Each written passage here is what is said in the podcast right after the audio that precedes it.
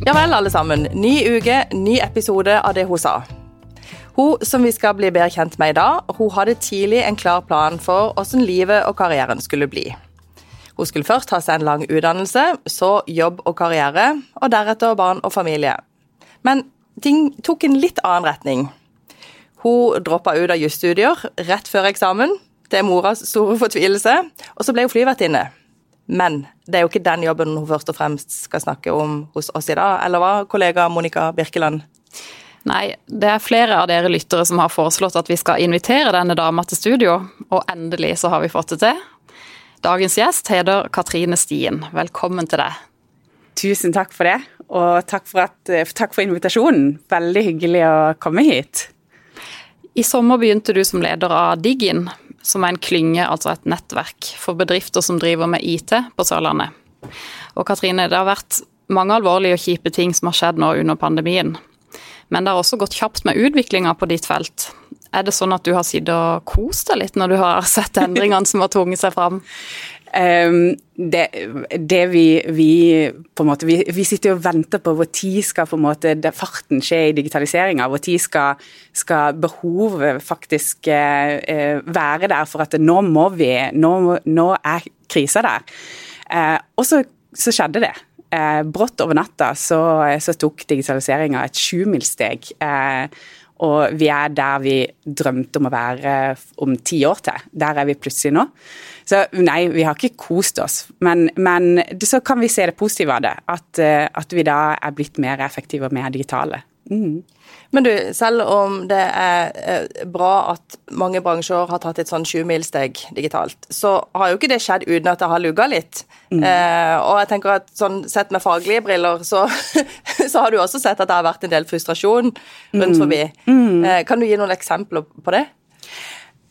det, det, vi kanskje ser, er um, at eh, det, vi, blir så, vi blir vant til at eh, det, det digitale bare skal være der og funke. Så vi blir jo veldig frustrerte hvis ikke det funker. Så det stiller veldig store krav til når teknologien skal utvikles, så må vi også ha brukeren i, i utviklingsperspektivet. Vi må, med, vi må, utvikle løsninger som faktisk er mulige, også for farmor på 85 selv om, ikke, selv om ikke jeg er 85, så blir jeg jo litt frustrert. Og blant annet så skulle jo vi ha en liten prat på Teams før podkasten, og da klarte jeg søren meg å koble meg opp. Og det synes jeg det var både skikkelig flaut og så utrolig irriterende. Er, er, det sånn at noe av den frustrasjonen som har vært, har blitt målbært til dere, eller til, til deg da som, som leder av en klynge? Uh, ja, eh, det er jo og, og, det er jo ikke alltid teknologien funker. Sånn, Det som du opplevde der, det har jo jeg jo opplevd, og det er jo i hvert fall flaut. Det er liksom Bare vent litt, jeg skal bare få EDB-maskinen min til å funke. det er jo dødsflaut. Men, men så, så, kanskje vi må liksom er, Vi er jo mennesker, tross alt. Så, så, vi må kanskje gi hverandre litt slack og være litt tålmodige med hverandre også. Sånn som vi liksom Ja ja, men bare koble opp på telefonen, da. Så, så, vi blir jo flinke til å på en måte løse eh, ting også, og teknologien er der at vi kan det eh, fordi at vi da kanskje setter brukeren i sentrum når vi utvikler teknologi, um, og um, at det skal, et, det skal, være et behov vi skal løse, så, så er da løsningen der at vi, uh, samme, vi samme, møte som vi kaller inn til på PC-en, det kan du også delta på på telefonen. Eh, uten problemer. Så, og hvis du vil bytte flater, så kan du bytte flater eh, med et blunk, liksom. Så og I løpet av det siste halvannet året så har eh, folk også fått andre forventninger kanskje til hva bedrifter og de som leverer tjenester må stille opp med. Hva er det vi forventer nå som ikke vi gjorde før? Vi skal, vi, de, de samme forventninger som vi før hadde på en måte til smarttelefonen vår, og til at det skulle finnes en app til alt. De forventningene tar vi også med oss inn i arbeidslivet nå. Ikke sant? At det skal vi, eh, Alt skal funke, også digitalt. Vi forventer at det skal være det samme på PC-en og på mobiltelefonen. Det skal kanskje finnes en app som vi kan laste ned på mobiltelefonen, eller det skal være en skyløsning for alt. Eh, så det tar vi som arbeidstakere med oss, forventninger inn i arbeidslivet. Og så er det også eh, det som kanskje er det mest interessante, er det at altså business to business så er, det, så er det også høynet nivå nå. Vi har på en måte forventninger at det skal være effektivt og det skal være gode digitale løsninger. Eh, og teknologien skal på en måte gi oss et forsprang også der, da. Det er litt som at vi nå gjennom pandemien har blitt vant til at vi skal kunne, eller at alle de butikkene vi f.eks. er glad i, skal kunne ha gode nettløsninger eller gode digitale løsninger for at vi skal, skal kunne handle selv om vi sitter hjemme. Så tar vi med oss den forventninga til jobb, og når vi da skal eh, kanskje kontakte en annen bedrift, så forventer vi at de òg har gode løsninger sånn jobbmessig, ikke sant? Ikke sant. Det er jo sånn, eh, Nå forventer vi f.eks. at eh, regnskapssystemene våre skal være helintegrert med bank, eller at eh, bank skal levere et regnskapssystem også. Eh, det, det er veldig spennende utvikling. Du, jeg tenkte på en annen ting som har skjedd um, under pandemien. Det er dette med fleksibilitet. Mm. Det er jo mye fokus på at man skal kunne jobbe fra hvor man vil, f.eks. Noen foretrekker kanskje å sitte på hytta, noen foretrekker å sitte i båten, noen foretrekker å sitte hjemme. Det viktigste er at jobben blir gjort. ikke sant? Og nå har vi sett at for veldig mange så fungerer det. Mm. Men dette er jo ikke for alle. Tenker du at den digitaliseringa og den på en måte det, det slags, kan vi kalle det litt sånn digitalt frislipp, at det også skaper noen, noen forskjeller? For det er jo ikke alle som kan, som kan jobbe hjemmefra jeg, jeg, tenker det at vi, vi, hvis vi ser tilbake i historien også, så, det, så, eh, så, innfører vi gjerne ny teknologi som på en måte elektrisitet, eh, som tar over for damp eh, og dampmaskiner. Og så, det litt, så tok det veldig lang tid før vi på en måte effektiviserte produksjonsprosessene rundt det. Og så etterpå det igjen, så kom på en måte det der samfunnet som endrer seg pga. det teknologiskiftet. Det, kom, det, står vi også overfor nå, eh, når vi på en måte har tatt det digitale inn i arbeidslivet. Eh, og eh, vi endrer arbeidsprosessene våre. Og så vil det også på en måte få noen samfunnsendringer som jeg tror blir veldig eh, interessante og utfordrende. Eh, både i forhold til eh, sånn som for oss da, som IT-klynge, som har behov for utvikle kompetanse til denne regionen. Hvordan vil det på en måte påvirke oss når vi da skal konkurrere med eh, bedrifter på Østlandet f.eks. Eh, hvis de kan bo her i denne flotte landsdelen, og så tenker de men de vil jobbe for Østlandet. Vi vil jo ha de til å både bo og jobbe her. Så først så tenker vi å så bra, men da kan de sitte på Sørlandet. Eller vi kan, vi kan ha en utvikler som sitter hjemme med familien på Voss, og så jobber han for en bedrift her. Men jeg tror ikke vi helt ser på en måte omfanget av hvordan, eh, hvordan det, det, kommer til å en endre samfunnsstrukturene. Og så eh, det med fleksibilitet i arbeidslivet, det er også eh, veldig interessant i et annet perspektiv. Ehm, for det er jo ikke for alle. Så det, det å på en måte kunne sitte hvor du vil og jobbe med det du ønsker ehm, for noen så kan de ikke sitte hvor de vil, de må være fysisk til stede. Eh, og vi har på en måte allerede litt sånn skille mellom kunnskapsbaserte medarbeidere eh, og andre som, som, som, er et skille i dag. Og jeg tror kanskje det skillet blir enda større når vi på en måte legger til goder som fleksibelt arbeidsliv i tillegg. Ja, for f.eks. hvis du er sykepleier eller mm. førskolelærer eller lærer ikke sant? Altså, Helsepersonell de kan jo ikke jobbe fra hvor de vil. Som de må jo være til stede. Som har utrolig viktige arbeidsoppgaver og kjempe liksom eh, arbeid, arbeid, som motiverer de veldig sterkt. Men, men de får likevel ikke det gode, da. Nei, så Hvis en ser på den fleksibiliteten som et gode, så blir det skapt et skille ja. mellom de som kan benytte seg ja. av det, og de som og det, ikke kan benytte seg av det. Og Det syns jeg blir litt viktig når vi nå snakker om liksom, å, det nye fleksible arbeidslivet som et gode som, som på en måte skal tiltrekke arbeidskraft eh, og være, gjøre eh, arbeids, eh, eller, arbeidsplasser konkurransedyktige. Da. Så, så, så, tenker jeg at vi må, bare, vi må være litt obs på det også. At det er ikke et gode som, mm. som, alle får ta del i. i samfunnet. Det er ikke et gode som alle kan ta del i, og det er heller ikke nødvendigvis sånn at Sørlandet bare får plusser ut av det. For det, som du sier, det kan bli en, en, form for lekkasje hvor folk tenker at å, det er deilig å bo og leve på Sørlandet, ja. men jeg kan få en mye kulere og bedre betalt jobb i Oslo eller i USA for den saks skyld. Ja, selv om vi syns selvfølgelig de kule jobbene er på Sørlandet. Ja. Men, så det, det, er det vi som klynge da eh, må være med og sette fokus på, og som på en måte er litt av våre sånn fellesoppgaver for bransjen, da, tenker jeg eh, at vi må, vi må løfte hvor, ikke bare hvor bra det er å bo her, men også hvor kule og gøye arbeidsoppgaver de kan få her. Men du, det er jo et likestillingsaspekt også oh, ja, i dette. Fordi at uh, jeg leste et sted at um, det først og fremst eller det viser seg da at det er mer kvinner enn menn som benytter seg av den muligheten til å være hjemme. Mm. Og jeg kan jo sjøl kjenne litt på det der at det er ok å kunne sitte hjemme innimellom, og så kan jeg sette på en vask, eller ikke sant. Jeg kan gjøre litt sånne ting innimellom. Liksom litt mer effektivt. Mm. Ja, og jeg leste også eh, en sak for noen uker siden der, eh, der det står her at eh, Barne-, ungdoms- og familiedirektoratet har en, levert en rapport som, der man konkluderer med at mor i huset gjør mer enn tidligere, og mest. Mm. Mm. Så det er jo noe her ja, hvis, som ikke bare ja. er positivt. Og hvis det er sånn at mannen går på måte på jobb og blir synlig, så er det vel også sånn at det er han som fortest kanskje blir ja, da lagt mm. merke til og, og, og blir forfremma, mm. mens kanskje ja. mor da blir oversett. Det viser oversett. også undersøkelser at det er jo korrelasjon mellom på en måte det å være synlig på kontoret eh, i forhold til å på en måte stige i karrieren. Så, så det er eh, et, et, veldig viktig aspekt i dette, som gjør at vi, vi må tenke litt, eh, litt, nytt. Hvordan vi på en måte måler eh, Eh, måler suksess på, på arbeidsplassen, og hvordan vi på en måte fremmer eh, arbeidstakerne våre. Da. Mm. Så noe som er et fremskritt, kan også ha en del mm. minus mm. ved seg, mm. som ikke er bra for utviklinga, mm. hvis vi tenker mm. likestilling? Ja, og kanskje spesielt her på, på Sørlandet, da, som, som, vi egentlig da kan tenke at fleksibelt arbeidsliv kan gjøre at vi får flere kvinner til å jobbe heltid. Eh, men hvis de ikke de da er på en måte synlige og blir verdsatt på arbeidsplassen i samme måte, så er det ikke sikkert at det, det likevel gir det fremskritt som vi ønsker. Du, Jeg tenkte litt på det vi snakka om helt i starten, med, med, din vei frem mot jobben i, i Diggin. Ja. Eh, for det var, det var, jo ikke noe selvfølge at du skulle ende opp med, med, den, og du har jo gjort litt ulike, litt ulike ting. Ja. Eh, og du har også vet jeg, liksom hatt eh, hovedansvaret for barn i en periode. og Hvordan vil du si at din vei har um, lært deg ting som har ført deg dit du er nå? Nå spurte jeg kanskje litt kronglete.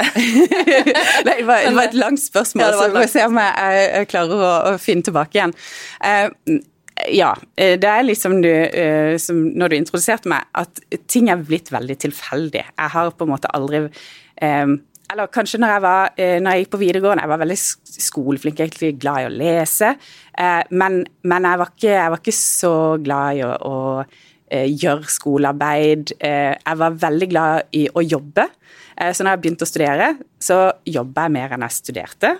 Eh, helt, og eh, du, var, du, nevnte min mor der, og hun, det var faktisk hun som, som, sa ja, jeg tror hun var litt redd for at jeg bare skulle havne liksom i baren og aldri Eller ja, ikke liksom gå videre på studiene eller noe annet. Så, så jeg tror hun bare Men flyvertinne, ser de søker etter folk i SAS. Hadde det vært noen ting for deg? Jeg tror hun bare tenkte at det var, var kanskje bedre enn å ende opp bare i bar.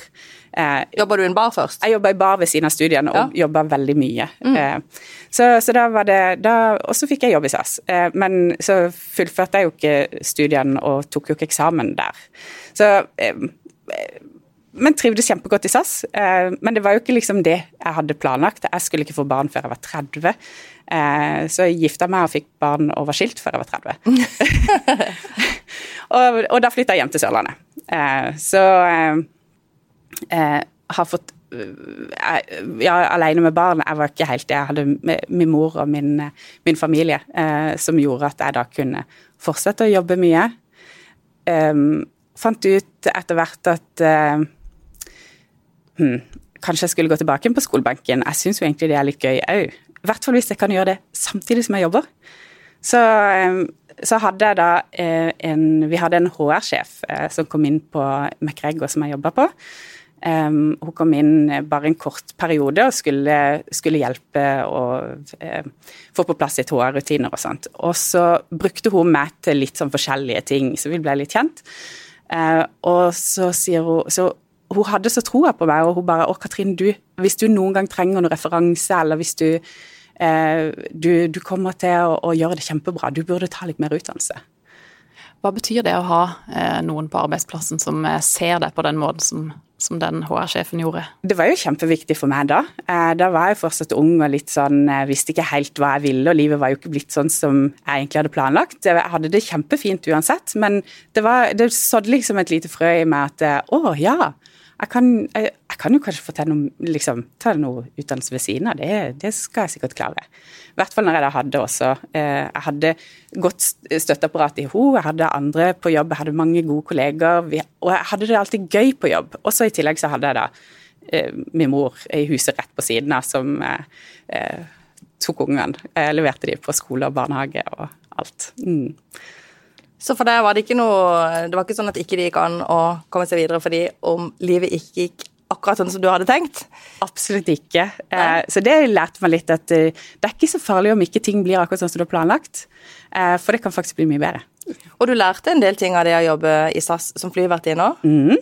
Du brukte bl.a. ordet 'icebreaker' når du mm. fortalte meg om, om, den tida. Kan ikke du si litt om hvordan det har virka som en, en, icebreaker? Jo, for det er jo litt sånn når um når jeg da også kom inn i offshorebransjen her og har jobba eh, i mye sånn mannsdominerte yrker, så er det veldig fint å ha med seg den derre å, ja, men du, og forresten, da jeg var ung, så, så jobba jeg seks år som flyvertinne i SAS. Så er det sånn, litt sånn som jeg kan det, øh, Hvis folk vil, vil, lære noe som de aldri trodde om meg, kanskje, så er det sånn, så kan jeg slenge det opp. Og så, så var det noen ting som en lærte da. Det var det Vi kom jo på jobb hver dag. jeg hadde 1500 norske kollegaer, i tillegg til alle de svenske og danske.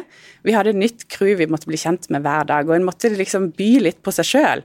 Hver morgen når en møtte, møtte nytt crew, så var det sånn, satt vi rundt et bord sånn som vi sitter her nå, og så bare Ja, hei, jeg heter Katrine, liksom. Og så hadde vi en pørser, og så ble vi satt inn i arbeidsoppgaver og plassert på ulike plasser.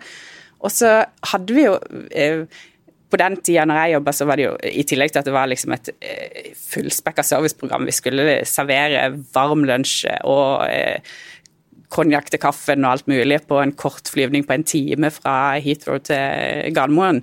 Eh, så det var helt ville tilstander. Men så hadde vi jo òg ansvar for på en måte alt av sikkerhet om bord. Vi skulle sjekke, vi hadde masse sjekklister vi skulle gå gjennom, vi skulle se om noen ble dårlige.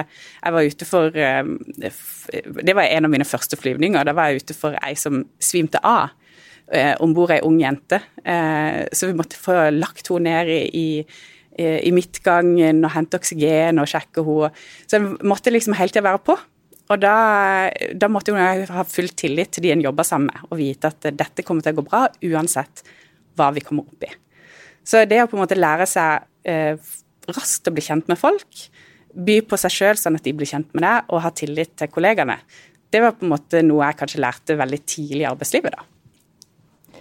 Du, eh, det å ha gjennomslagskraft, det er viktig. Ikke minst når du sitter i en sånn sentral rolle som det du eh, gjør nå. Eh, vil du si litt om hvordan du opplever at du, at du får det? Ja, eh, det er, nok, eh, det er nok litt lettere nå når jeg er litt seinere i arbeidslivet enn det det var når jeg var tidligere. Eh, jeg har opplevd det fordi at jeg er litt Jeg er jo blid og blond. Og, ikke noe galt i det? Nei, ikke sant? Det er det ikke. Men også så har jeg kanskje sett litt ung ut. Så jeg har jeg måtte ta meg sjøl i det, for nå er det ikke så lenge til jeg har bursdag. Så var det ei venninne som, eh, som bare 'Å ja, men du fyller jo 45 nå'. Jeg bare det gjør jeg jo ikke, det gjorde jeg jo i fjor. Jeg er litt vant til å lyve litt på alderen. liksom gjerne på et par år eh, for å på en måte få litt pondus. Eh, og det er kanskje vel så mye i hodet mitt. men så, så vokser en jo i Blir en tryggere i seg sjøl òg. og så er jeg nok litt sta. Og det, så, så, hvis de har oppfatta meg som litt sånn naiv fordi jeg er blond og blid, så når de blir kjent med meg, så, så har jeg ikke så problemer med å få gjennomslagskraft. De må ikke la seg lure? Nei. Og du har gått fra flere lederstillinger uh, opp igjennom til å være en litt mer offentlig person nå, og litt mer synlig rolle. Hvordan har det vært? Um, skummelt. men også jeg, tenker litt sånn at man um, man lærer Det er veldig klisjé, det der med at man lærer ikke så mye der, hvis man er i komfortsona. Men det er jo veldig sant. Uh, så, så, det er litt sånn som jeg sier litt til meg sjøl, og som En må på en måte ha folk rundt seg som utfordrer hele veien. En må ha det gøy, en må ha noen som på en måte kan eh, trigge deg litt, da. Eh, og da eh, kan jeg også trigge meg sjøl litt, eller få støtte i de eh, når, når, ting er litt eh, skummelt. Så si ja, selv om det er dritskummelt, og så går det som regel greit. Men, men, en del av det å ha den rollen du har, og, og være med offentlig, som Monica sa her, det er jo at du blir invitert f.eks. til ulike konferanser, mm. og du mhm. må stå på en scene og fortelle både om bransjen din og om deg sjøl mm. og om andre. Og du har vært med på flere konferanser nå i det siste. Eh, hvordan syns du det er å opp og stå på en scene og ta plass og snakke mm. om teknologibransjen? For du er jo heller ikke teknolog sjøl. Du representerer jo et, et annet fag igjen. Men, men, først kan du få lov å si litt om hvordan du på en måte tar den mm. rollen. Mm. Det, det, som på en måte hjelper meg da, jeg, hvis jeg syns det er litt skummelt, det er jo det at det, altså den jobben jeg har nå, er jo drømmejobb. Fordi at det kombinerer på en måte to områder som jeg brenner veldig for. Jeg brenner veldig for eh, teknologi, og at det det er veldig eh, viktig for alle, uansett hva altså det Vi, har, vi snakka om det tidligere, eh, hvor viktig teknologi er blitt i den nye arbeidshverdagen vår. Og hvor mye vi har behov for teknologi i alle samfunnsutfordringer vi skal løse fremover. Så men så er det mennesker i det i tillegg. Så i den jobben som jeg har nå, så kan jeg på en måte kombinere eh, og, og, få brukt hele både kompetansefeltet mitt og personligheten min. Eh, så, så, derfor, Det gjør at jeg blir litt tryggere da, jeg skal, hvis jeg skal snakke om ting som handler om jobben min, eller eh, stå og presentere på en scene. At, at jeg i hvert fall kan få snakke om noe jeg er engasjert i og brenner for. For teknologi, det syns du er skikkelig gøy? Ja, det syns jeg er veldig gøy. Men Hva er det som er så gøy med teknologi, da? Uh, nei, ja. Uh, jeg, var, jeg, var, nok litt sånn nerdete fra jeg fra jeg var ung jente. Um, vi, vi, vi, fikk tidlig, tidlig CD-spiller hjemme, vi fikk PC tidlig hjemme. Uh, jeg, var ingen av mine venninner som syntes det var så gøy med Super Nintendo. Det syntes jeg var dritgøy. Ja. eh, eh, så, og, og, fortsatt så er det sånn at eh, selv da jeg var gift, så var det liksom det var meg som kobla opp alltingene hjemme. Og venninnene mine fortsatt de er sånn hvis, hvis, det er et eller annet TV-en eller hva som helst, så, så, er det gjerne meg som kommer ned og hjelper dem. Men du, er det noe du irriterer deg litt over? Det tenkte jeg på sånn at folk ikke kan ennå, hvor du blir litt sånn ja, men herre min, altså, eh, det må du ha lært deg i dag, liksom. Nei, det er kanskje der, liksom Det er det at jeg ser Jeg forstår at ting kan være litt skummelt og vanskelig, og så brenner jeg kanskje for å gjøre det litt mindre skummelt, og da blir jeg ikke Da tenker eh, Da blir ikke jeg irritert. Da kan jeg bli mer irritert over at å, men hvorfor har de ikke løst det sånn at det er helt intuitivt for alle? Men du, du leder ei klynge, og klynge er jo et litt sånn moderne ord nå.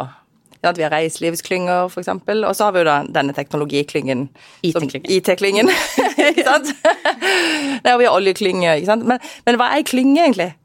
Jo, det er, eh, det vi, har, eh, vi er eh, nesten 100 medlemmer.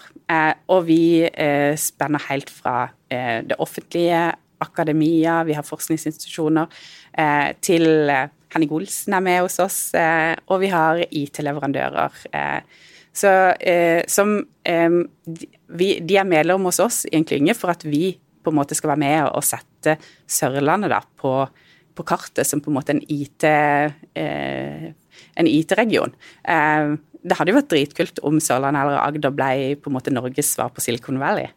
Det er litt sånn som vi som klynge da, eh, kan gjøre. Vi må prøve å få folk til å samarbeide mer. Mm. Men hva skal til da for at vi blir eh, Sørlandets svar på Silicon Valley?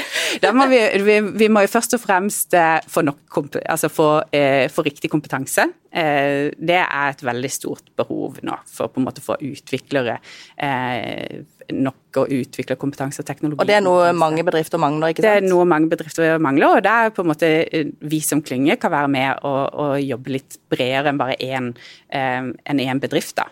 Eh, på det. Så vi f.eks. Eh, i november så, så, skal vi ha eh, digitalkonferansen, som vi i år da har som en utviklerkonferanse. Det har aldri vært på Sørlandet før. En, liksom, en konferanse for de som jobber med eh, teknologiutvikling. Ja. Så da, da, er liksom det på en måte vårt bidrag til at eh, oh, da, kan, da kan de få en møteplass og en konferanse, og det kan skje noe kult og gøy for de da. Du er jo en sånn person som syns noe teknologi er kjempegøy, og så er det noe teknologi, teknologi som er for helt sånn åh, oh, nei, jeg orker ikke mer teknologi nå. Men du, hva, hva eh, tror du er det som vil overraske oss mest, eller der det vil bli, hvor vi vil få mest sånn wow-følelse? Eh, hvilken type teknologi er det som vil gi oss den følelsen fremover? Oh, det var, det var et eh, Kanskje hvis, hvis vi begrenser ja. det til hverdagen, da? Eh, tror du ikke det er f.eks. når uh, I dag er vi så avhengig av mobiltelefonen. Altså, jeg kan, jeg kan faktisk Nei, jeg lyver på meg hvis jeg sier at jeg kan klare meg uten PC en arbeidsdag, men, men uh, mobiltelefonen er jo uh, Mobiltelefonen og kort er liksom det er helt Egentlig ikke kort heller, for du kan betale med, med enten med smartklokka mm. eller telefonen.